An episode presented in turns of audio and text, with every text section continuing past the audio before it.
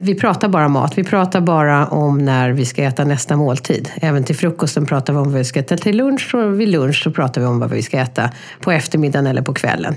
Och så mina tre äldre bröder, där, där, det, det handlar bara om mat mer eller mindre. Hej, nu var det dags för en podd igen. Idag så träffar vi Anna Bauer.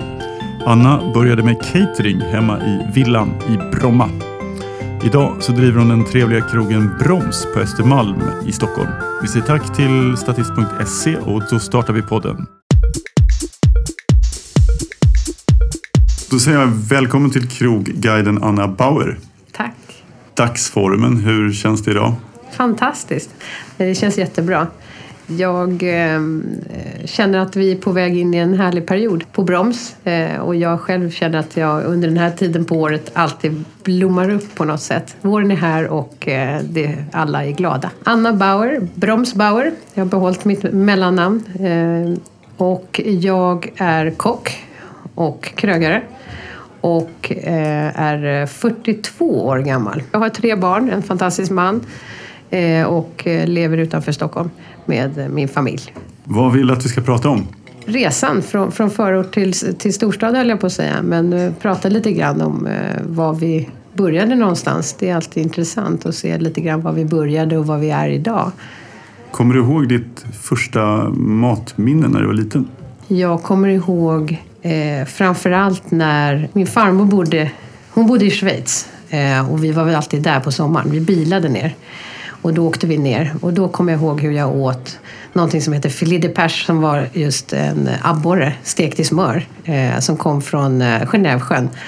Och det är ett tidigt minne av eh, någonting väldigt härligt. Dina föräldrar lagade de, alltså när du var riktigt liten, lagade de mycket vällagad mat? Vällagad mat, mycket mat. Eh, riktig matfamilj, tre äldre bröder. Mm, och... Vi pratar bara mat. Vi pratar bara om när vi ska äta nästa måltid. Även till frukosten pratar vi om vad vi ska äta till lunch och vid lunch så pratar vi om vad vi ska äta på eftermiddagen eller på kvällen. Och så mina tre äldre bröder, där, där, det, det handlar bara om mat mer eller mindre. Eh, och min mamma och pappa, speciellt min mamma, lagade mycket mat, bakade mycket och det är där det kommer ifrån kan man säga.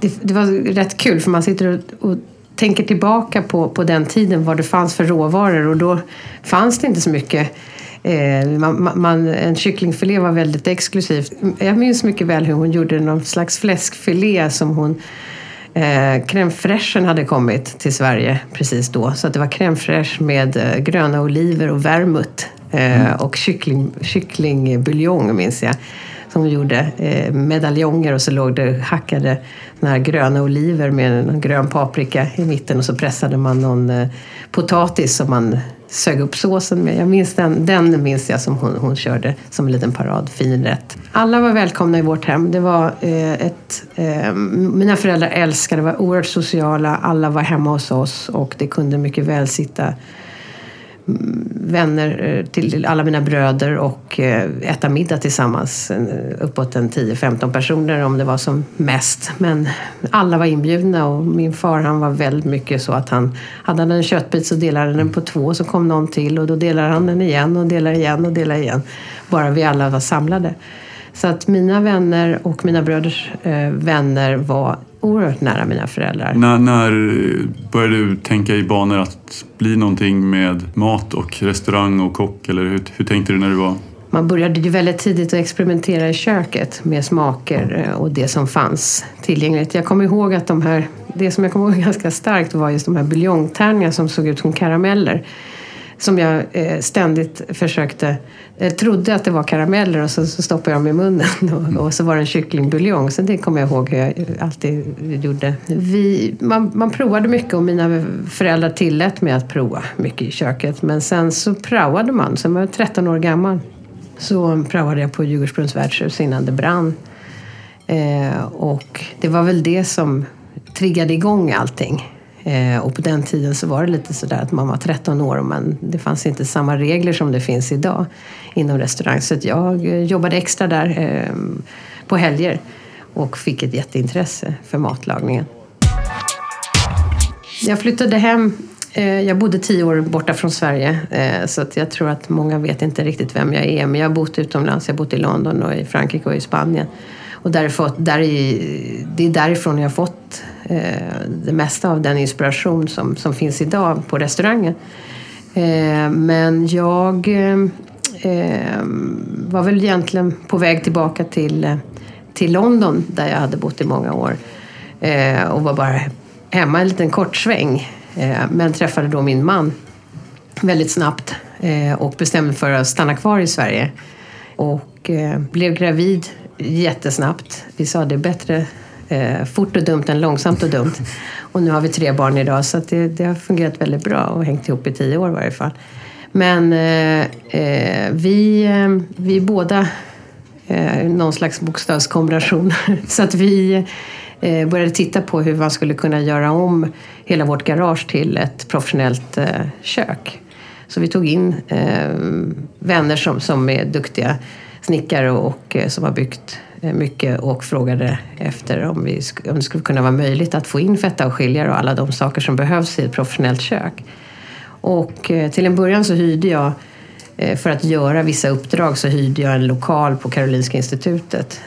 Men sen så eftersom att det växte, allting växte så tänkte vi att ja, men varför inte försöka ha verksamheten hemma istället. Och Eh, blåsa ut hela garaget och eh, bila golvet och, och lägga in allting som behövs för att bygga ett professionellt kök. Så vi tittade på det och, och eh, började bygga. Och till slut så hade vi ett kök som blev godkänt och där vi då skulle starta hela cateringverksamheten. och då min man är kirurg och, och arbetar på Karolinska så att han är ju han är och älskar att baka. Så att han bakade allt bröd. Och eh, jag lagade maten och eh, vi öppnade upp, ja, det, är nästan, det är åtta år sedan. Ehm, och då eh, ställde vi upp en en skylt på, uppe på garageuppfarten, för det här är en villa. Så att vi eh, ställde upp en skylt där det stod Boeuf bourguignon med mandelpotatispuré och så satt vi och väntade på om någon skulle komma. Så att det var ungefär så. Eh, och sen började hela verksamheten, ryktet började gå i grann, bland grannarna. Men det svåra var just att försöka få grannar att förstå att de skulle gå ner för vår garageuppfart och, och beställa mat. Så att det var väl en, en stor del av det hela som, som var en utmaning i ett villaområde. Var det inte lite nervöst liksom där att starta, liksom att du gjorde ändå stora investeringar och, och pang pang nu ska vi sälja catering från en villa i Bromma? Eller hade ni en känsla att det här kommer funka? Nej, men jag, jag var helt övertygad om att det skulle fungera. Men självklart så när man tittar tillbaka på det så var det ju helt galet. Men det var en jättekul resa. Vi, vi gick runt och la lappar i brevlådor och jag åkte ut och sålde konceptet. Ehm, och eh, jag var alltid övertygad om att om vi levererar en hög kvalitet på det vi gör så kommer folk att till slut förstå att det är värt att betala de pengarna som det kostar för att äta en god köttbulle. Och det är självklart så stod vi där ibland och var Kommer det komma någon idag? Så själv, det var ju verkligen på den nivån. Men sen så hade vi ju mycket, vi är en stor familj och vi har många kontakter och folk vill ju eh, använda oss. Och eh, jag gjorde eh, det, det, blev bra till slut, men mm. det var ju en helt galen idé när man tittar tillbaka på det hela om man gjort de investeringar man gjorde då. Eh, men sen till slut så förstod vi att vi behöver flytta ut från huset om det här ska kunna bli en verksamhet som är professionell på, på, en, på en högre nivå så att säga.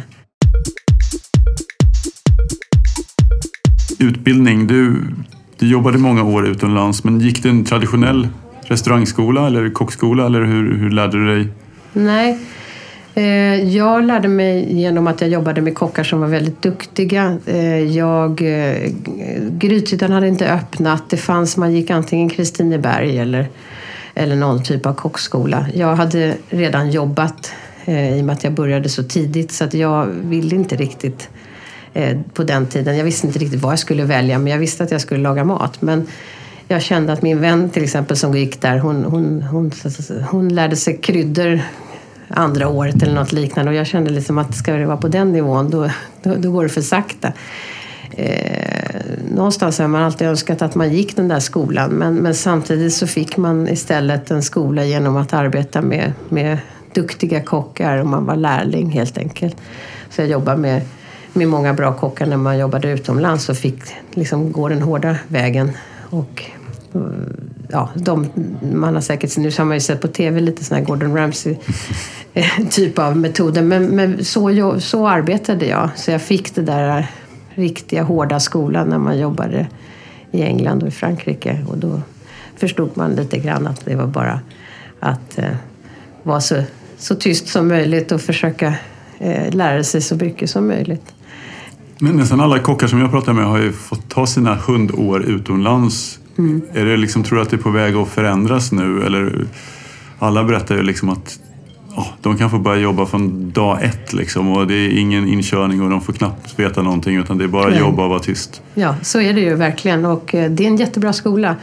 Eh, det är en eh, annorlunda skola och framförallt så tycker jag att den för mig har varit både lärorik rent personligt, att man är utomlands och arbetar oavsett vad man arbetar med så tror jag att man på något sätt lär sig väldigt mycket om sig själv och, och eh, får en en, kanske en säkerhet i eh, sin egna personlighet. Jag vet inte, men någonstans så tror jag att det är bra att åka utomlands oavsett vad man gör för någonting. För att, eh, att stanna hemma ibland eh, kanske gör att man inte, jag vet inte. Jag, utvecklas. utvecklas. På, men det, det, där är ju olika sätt att arbeta på. Men jag, jag lärde mig väldigt mycket genom att eh, jobba på de här krogarna och man jobbar hårt. Ja, jag hörde av någon annan här att, att det var vanligt att man gick och ändrade temperaturerna på ugnarna för att sabotera för varandra. Jag vet inte om det, om det var mer som någon nollning i skolan nästan. Ja, jag, jag, fick inte uppleva det, men jag minns just för det som man var, så här, roliga saker. Det var att man, man fick på morgonen eh, innan service så fick man två slängar, alltså två handdukar då som man skulle ha under hela servicen och så fick man en bit Wettex-trasa. Och så blir man tilldelad det här då. Eh, och, eh, och det minns jag så där mycket väl, liksom att om man hade liksom helt plötsligt bara en släng kvar eller man hade tappat bort slängar, då hade man ingen till service. Då, då liksom fick man skylla sig själv. Och, och likaså kom jag ju in, eh, när jag jobbade i London kom jag in med mina kockbyxor, för man hade egna kockbyxor. Och eh, de var svartrutiga. Och och hade man svartrutig så var man köksmästare eller souschef. Okej, okay, aj, aj, aj. Ja, så där fick jag ju en rejäl smäll. Man skulle ha eh, blårutigt där. Och då så gick, självklart så fick man ju höra att man var eh, köksmästare då. Eh, så då blev man lite hånad där ett tag. Många manliga kockar säger ju att det bör alltid finnas en kvinnlig kock i varje kök. Men det verkar ju så svårt att få det, det, går en del kvinnliga kockar på kockskolorna men, men det, det är relativt få som, som kommer ut i, på krogen och i köken. Ja, fast jag tror att det, det, det, förändras, det har förändrats mycket. Jag är mycket för att få in tjejer i köket och, och i, i, i vårt kök så är det Eh, många tjejer. Sen är det ju så att vissa till slut när man blir äldre, man orkar inte riktigt. Så det är det här att det är väldigt tungt och det är, eh, det är ja, vi får, några av oss får barn och, eh, och, och man tänk, tänker lite annorlunda när man väl har sina barn framför sig. Så det, det förändrar en. Så att det är ju lite sådana saker. Självklart. Och det, det var ju en del av mig som förändrades också. Självklart när, när man väl får barn. Vad, vad, hur prioriterar man livet? Och jag, jag skaffade en restaurang istället. Mm. så det, jag tycker vi kan helt klart aktivt arbeta med att få in mer kvinnor. I, i matsalen så är det mycket kvinnor. Men eh, en jämn fördelning, det blir mycket trevligare. Och vi har ju haft, på Broms har det nästan varit 50-50. Eh, hälften kvinnor, hälften män nästan eh, under, under de åren där, eh, när vi öppnade upp. Men vad hade du för tankar när du startade upp den? Vad, vad, eh, det var som du säger, det skulle vara ganska likt utbudet på, på cateringen som du hade hemma. Var det, mm. Men hur tänkte du sen? Liksom, med, med... Alltså catering, eh, catering som vi gjorde hemma, det var en, det absolut en rolig idé. Men jag hade nog ingen tanke på att vi skulle öppna upp catering. Jag tyckte inte att det var så kul från början att ha en cateringfirma. Men jag eh, ville nog helst, man ville helst ha en restaurang och lägga på tallrik som alla andra kockar. Men jag tror att eh, det som jag hade sett under de åren som jag hade bott utomlands, det var någonstans så ville jag skapa ett, ett vardagsrum för, för alla typer av människor. Att man kunde få en fin blandning av människor. Eh, att du eh, och alla människors behov framför allt. Så att min, min idé var att du ska kunna komma in och ta en kopp kaffe och en croissant eller något liknande. Eh, man ska ha bageriet och hantverket synligt. Att allting ska vara väldigt synligt. Man vill ha ett rotisseri där man ser kycklingen snurra. Man vill se köttet, man vill se ostarna. Eh, man vill ha liv i lokalen, lite rörighet i lokalen. Jag vill liksom skapa ett vardagsrum eller en plats för mat och gärna konst. För att konsten tycker jag är väldigt härlig också, som ständigt förändras. Så att skapa ett, eh, ett härligt kaos där man själv tycker om att sitta, lite grann som när man är utomlands, när man går och köper en tidning och tar en kaffe. Liksom den känslan hade, sak, saknade jag i Stockholm lite grann. Tystnad, eh, tagning! Varsågod. Varje månad behövs tusentals statister. Statist.se har uppdrag till dig som vill vara statist, skådespelare, modell eller tv-publik. Hitta ett roligare jobb redan idag på statist.se. Tack så mycket. Där satt den. Men hur ser du dig själv nu när du driver? Nu, nu känner du mer som entreprenör och lite mindre kock såklart, för du står ju inte och lagar maten. Nej, jag, jag har ju jag har en idé liksom att man, jag älskar ju att människor kommer till oss och sitter ensamma på restaurangen. Eh, för massa år sedan, nu är det en helt annan eh, tid, men då, då var det nästan fult att sitta på restaurang ensam. Man var stressad över det. Men idag har det förändrats och det är det som man tycker är så kul. Liksom. Framförallt så vill jag ha tillgängligheten. Så vi har öppet från sju på morgonen till tio på kvällen. Eh, alla dagar i veckan. Eh, och hela året. Eh, så att även sommaren, så vi har öppet. Och det är det jag vill att folk ska känna, att det är öppet alltid. Men det, är ju, det finns ju en enorm sorg i mig att vara så långt ifrån just själva hanterandet, att stå i köket på det sättet. Eh, Vi är 50 anställda idag. Och eh, idag så har jag faktiskt också anställt en, en ny VD eh, som kommer vara mer aktiv operativt. Och jag arbetar mer som så creative director-roll eh, där jag kontrollerar egentligen meny, kvalitet och allting som finns i delikatessen. Att det liksom ser, ser bra ut och eh, att det håller den, den nivå jag vill att vi ska hålla. Ehm, Så att jag är ju och pillar på det och det är det som jag är bra på. Jag ska inte vara VD som jag säger. Utan det är bättre att jag gör det jag är bra på. Men nu har det bara gått två år som du säger, men är det någonting som har blivit lite annorlunda? Liksom både, det kan ju vara till det positiva och kanske till det mindre positiva, men är det någonting som... Ehm, jag tycker på något sätt så är det, det som jag tyckte är lite spännande det är väl att det, det är inte min restaurang längre utan det är gästernas restaurang. Och det tycker jag är lite kul. Och det är liksom, på något sätt så har, har det blivit, det är deras vardagsrum. Det, det är de som bestämmer på något sätt. Och det är därför så, det, så jag tycker det är viktigt att man tittar på det och det tänkte jag inte mig från början överhuvudtaget utan då var jag nog lite mera eh, egoistisk och tänkte så här vill jag. Eh, och det, det måste ju fortfarande leva kvar men någonstans så, så, så, så tittar jag nog mer idag på vad, vad vill folk ha eh, på sin tallrik eller vad vill man uppleva eller hur ska ljuset vara eller vad är det för konst man vill se och sådär. Ja, men när jag varit där själv så, så har jag slagits av det du beskriver att jag tror det satt ett äldre par, kanske i 80-årsåldern i alla fall, och, och så satt det ungdomar i 18-årsåldern. Det var en väldigt... Det var en exakt spridning över nästan alla åldrar. Och det tycker nog, det uppskattar ju man som gäst också, att det är den här.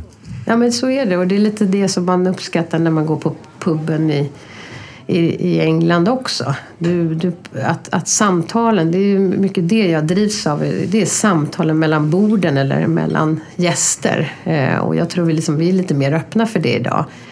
Eh, men jag älskar just att se just en ensam dam dricka ett glas champagne i baren och sen ser man några härliga skäggiga eh, killar som sitter och dricker öl nästan ur flaskan.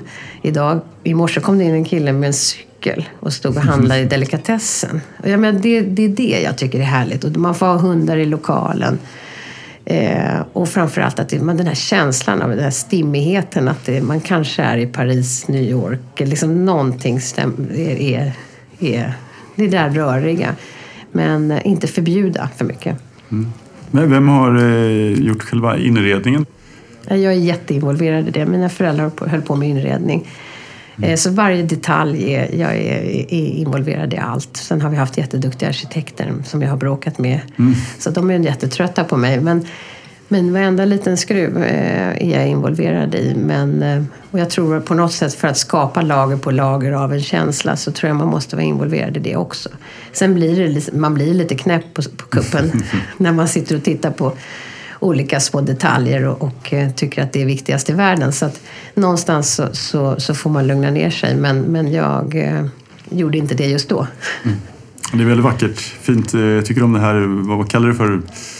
Vinröda kaklet, eller skulle kalla det för vinrött. Jag vet inte vad, vilken... Brunt är det. Brun- det är brunt. choklad, Mörk chokladbrunt. Ja, så, eller? så kan det vara.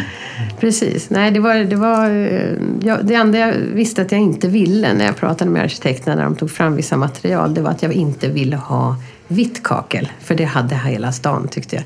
Och det är jättefint på alla sätt och vis. Men jag vill skapa någonting annat. Jag vill skapa någon slags känsla av att det är en institution, att den alltid har funnits och framförallt att man med golvet, den här lilla eh, den här italienska mosaiken, lilla mosaiken, där vill jag att man skulle nästan känna att vi hade hittat golvet när vi började renovera.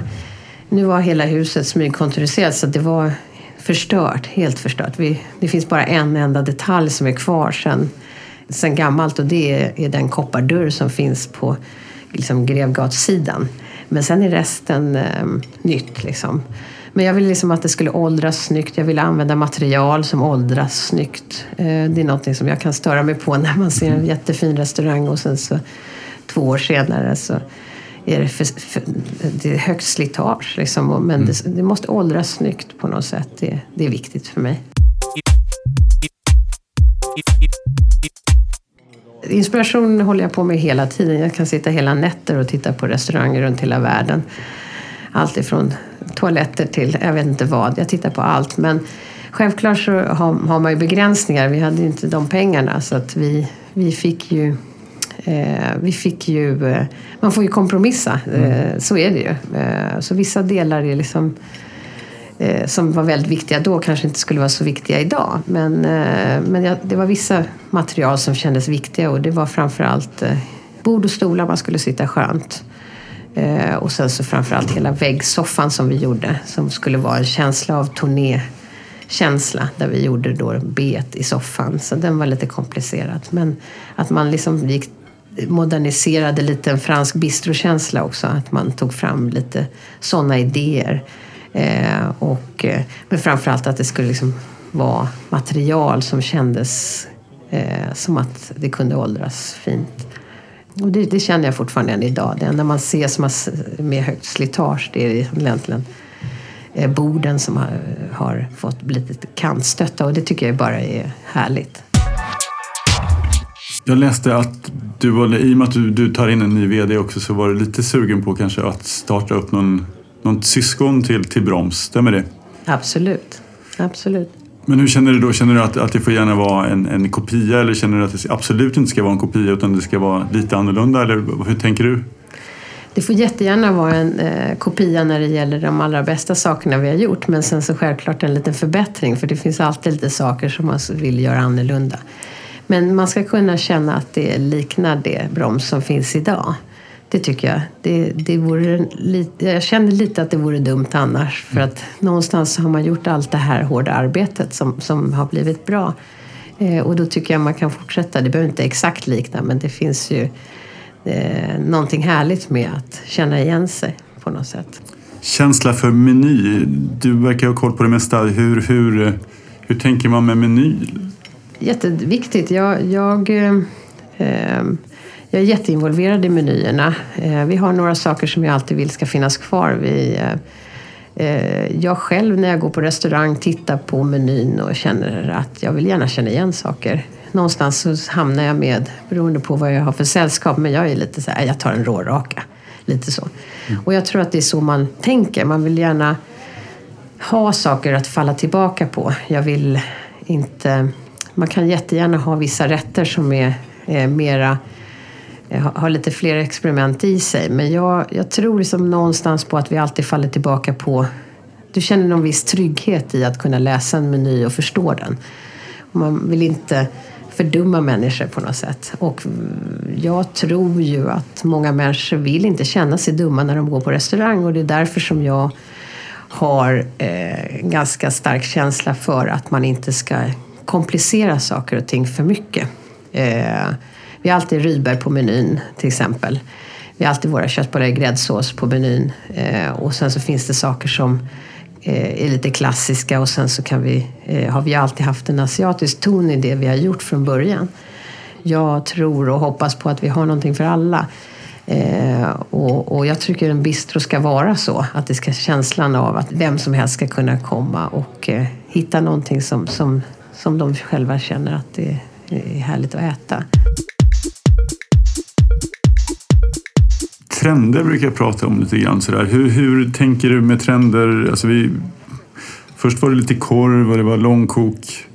Det finns syrade grönsaker till och med på Ikea nu och, och man pratar liksom mycket om den här finpizzan, fin kebab. Du har ett ganska klassiskt kök ändå, men är du nyfiken på, på trender? Alltså vi, vi, tittar man på vår meny idag, då har vi ju allt ifrån eh, det asia, liksom asiatiska influenser. Vi har mycket, en av våra storsäljare är just den här fish taco som vi har på helgerna. Så att vi, jag tror vi, vi är rätt breda i vårt sätt att tänka. Det kan vara mex, det kan vara eh, vad heter det, mm, det spanska köket, franska. Så vi, vi, vi håller på med, med det mesta eh, som vi tycker är gott. Men eh, nej, jag, jag är ju lite... Jag tycker det är kul att det kommer in men jag kan också tycka att det är lite jag tycker om att hantverket kommer in, till exempel med korvar och sådär. Men eh, man kan känna kanske ibland att man lever i en väldigt liten stad när man känner att det kommer en korvtrend liksom, mm. någonstans. Att, att det blir, eller nu är det syrade grönsaker och så vidare. Trender kommer alltid finnas men det blir väldigt påtagligt i den stad vi bor i när, när det blir en sån eh, just mattrend fokuserar på det man tycker om och tycker är bra så tror jag att man, eh, det är bättre att följa det än att bara helt eh, följa trenderna. AG-killarna eller Råkök-killarna sa att de, de är trendiga var tionde år för då, då liksom kommer deras meny upp på trendlistan och sen så försvinner den och så kommer den tillbaka. Exakt, det är lite det jag eh, har också. Jag älskar eh, Rolfs kök och, och eh, vad de gör. Eh, de är jätteduktiga och det är lite det som är grejen också. Att man, man, man gör det man tycker är kul och tycker är bra och sen så, precis som de säger, det kommer tillbaka var tionde år. Så blir det trendigt med köttbullar igen. Grönsaker, alltså hur... Vi äter hur mycket kött som helst, liksom, fast vi pratar gärna om grönsaker. Jag, äl, jag älskar grönsaker. Vi använder jättemycket grönsaker. Det är den största notan vi har på mm. broms i grönsaker. Jag har alltid gillat sallader med eh, enormt många komponenter. Eh, vi har mycket asiatiska sallader med kan vara nästan uppåt en eh, 20-25 olika eh, råvaror i en, i en sallad. Eh, och ehm, eh, jag älskar det och jag hoppas, jag tycker om den trenden jättemycket, att grönsakerna tar plats. Men det tyckte jag om på er meny, att, att som du säger att det finns lite mer fantasifulla sallader och det blir bra liksom när köttet får ta liksom 20 procent och inte 60-70. Mm. Och det är så vi har jobbat hela tiden, men det har varit lite kostsamt förstås. Ehm, speciellt under de tider på året där, där, där vi inte har så mycket att välja på. Men också en utmaning. Jag tyckte att det var fantastiskt kul. Men jag är mycket för eh, att använda mycket grönsaker. Och som du säger, så som också Paul Svensson vet jag har gjort nu uppe på Fotografiska. Det tänket, det, det är kul. Man, man, man blir glad av det. Och vi, precis som du säger, att jag gillar det när det händer väldigt mycket. Det kan gärna vara två olika dressingar till en sallad. Eh, men att du ska uppleva olika lager av av förväntningar, liksom upplevelsen när du äter en sallad så att du inte tröttnar och sitter och tuggar på samma sak. För det tycker jag kan uppleva rätt ofta. Om du fick tänka i fantasin, om du skulle få öppna någonting och hade i princip obegränsat med pengar och inte något, du behövde inte ha något direkt vinstintresse. Vad skulle det vara det mest tillfredsställande liksom, att få skapa i restaurangväg? En saluhall. En saluhall? Mm. Och hur skulle den se ut? Den skulle vara en saluhall kring ja, man ser maten självklart men att man framförallt eh, samtalen kring maten. Eh, en, en, avslappnad miljö kring råvarorna som du tillagar öppet. Jag, jag, är också helt såld på pizza. Nu kommer ju den här superpizzatrenden. Alla vill göra pizza. Men jag tycker att det är så, det är så fantastiskt med pizza. Mm. Tycker jag. Man kan det, är gott. det är gott med pizza.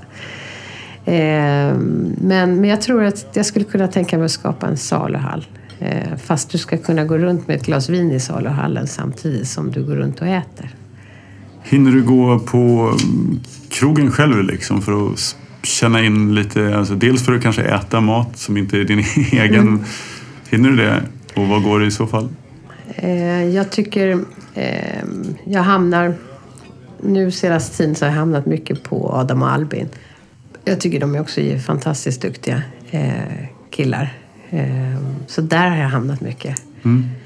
Det är lite speciellt, man får ställa, du kanske får komma dit lite snabbare än oss andra men de, de skickar ut mail då och man får ställa sig på en liten väntelista. Absolut, men, men jag, jag, jag, har ju alltid tänk, jag har, har ju alltid tankar om... Jag kan ju aldrig planera riktigt i mitt liv så jag plockar ofta upp telefonen oavsett, inte för att jag känner folk utan för jag tror ju någonstans att du kan bara glida förbi, sätta dig i baren eller någonting sånt. Och har man, kan man göra det när man väl är ledig då, då finns det oftast plats på, de, på många krogar om det finns en bar. Jag gillar ju hellre att sitta i en bar och äta också eh, än att sitta vid ett bord ofta. Ja, men så är det till exempel på Lilla Ego som folk där det är tre månaders väntetid. Så. Ja, där har jag inte lyckats komma in ännu. Fast det, går, det är precis som du säger att det går ganska enkelt att få bord om man kommer då rätt tid. Och, rätt, rätt tid. Och kanske en, gärna en måndag, kanske inte en fredag. Ja, precis. De flesta krogar som jag märker, för jag har nämligen ledigt på måndagar själv eh, på kvällarna från allt jag gör. Och det är att allting är stängt eh, på måndagar. De flesta krogar är stängda på måndagar. Så där har jag svårt att hitta någonting. Men sen kan jag tycka att det är väldigt härligt. Jag älskar att vara nere på, på Brillo Sturehov och, och vara i den miljön. Och eh, eh, sitta, i, sitta och äta också. Så att, så att jag behöver inte uppleva just eh, maten på det sättet alltid när jag går på restaurang. Utan jag, det är miljön jag, jag, jag känner jag vill vara i. Kanske för stunden. Sturehov tror jag nästan alla som har varit här har prickat in som en favorit. Ja. Vad är det så för magiskt med... Nej, de har ju lyckats fantastiskt tycker jag. De har lyckats fantastiskt att skapa eh, en, en modern bistro. Eh, med samma känsla som när du sitter i Paris eller i en större stad. Eh, jag tycker att det är fantastiskt det de har. De är jätteduktiga. Hur står sig Sverige tycker du i jämförelse med andra länder? Ligger vi bra till? Jag tycker vi ligger jättehögt. Vi ser ju det i tävlingar och allting. eh, Att vi ligger på, på topp. Eh, Så att Sverige är, är väldigt duktiga, tycker jag, när det gäller mat. Eh, Och det, det, har hänt mycket på, fem, på 15 år. Eh, Men idag är konkurrensen hård. Det finns mycket bra mat på marknaden. Ma- Bra krogar. Då, så, då säger jag tack till Anna Bauer för att du kom hit här till krogguiden.se. Tack snälla för att jag fick vara här. Tystnad, eh, tagning! Varsågod. Varje månad behövs tusentals statister. Statist.se har uppdrag till dig som vill vara statist, skådespelare, modell eller tv-publik. Hitta ett roligare jobb redan idag på statist.se. Tack så mycket. Där satt den.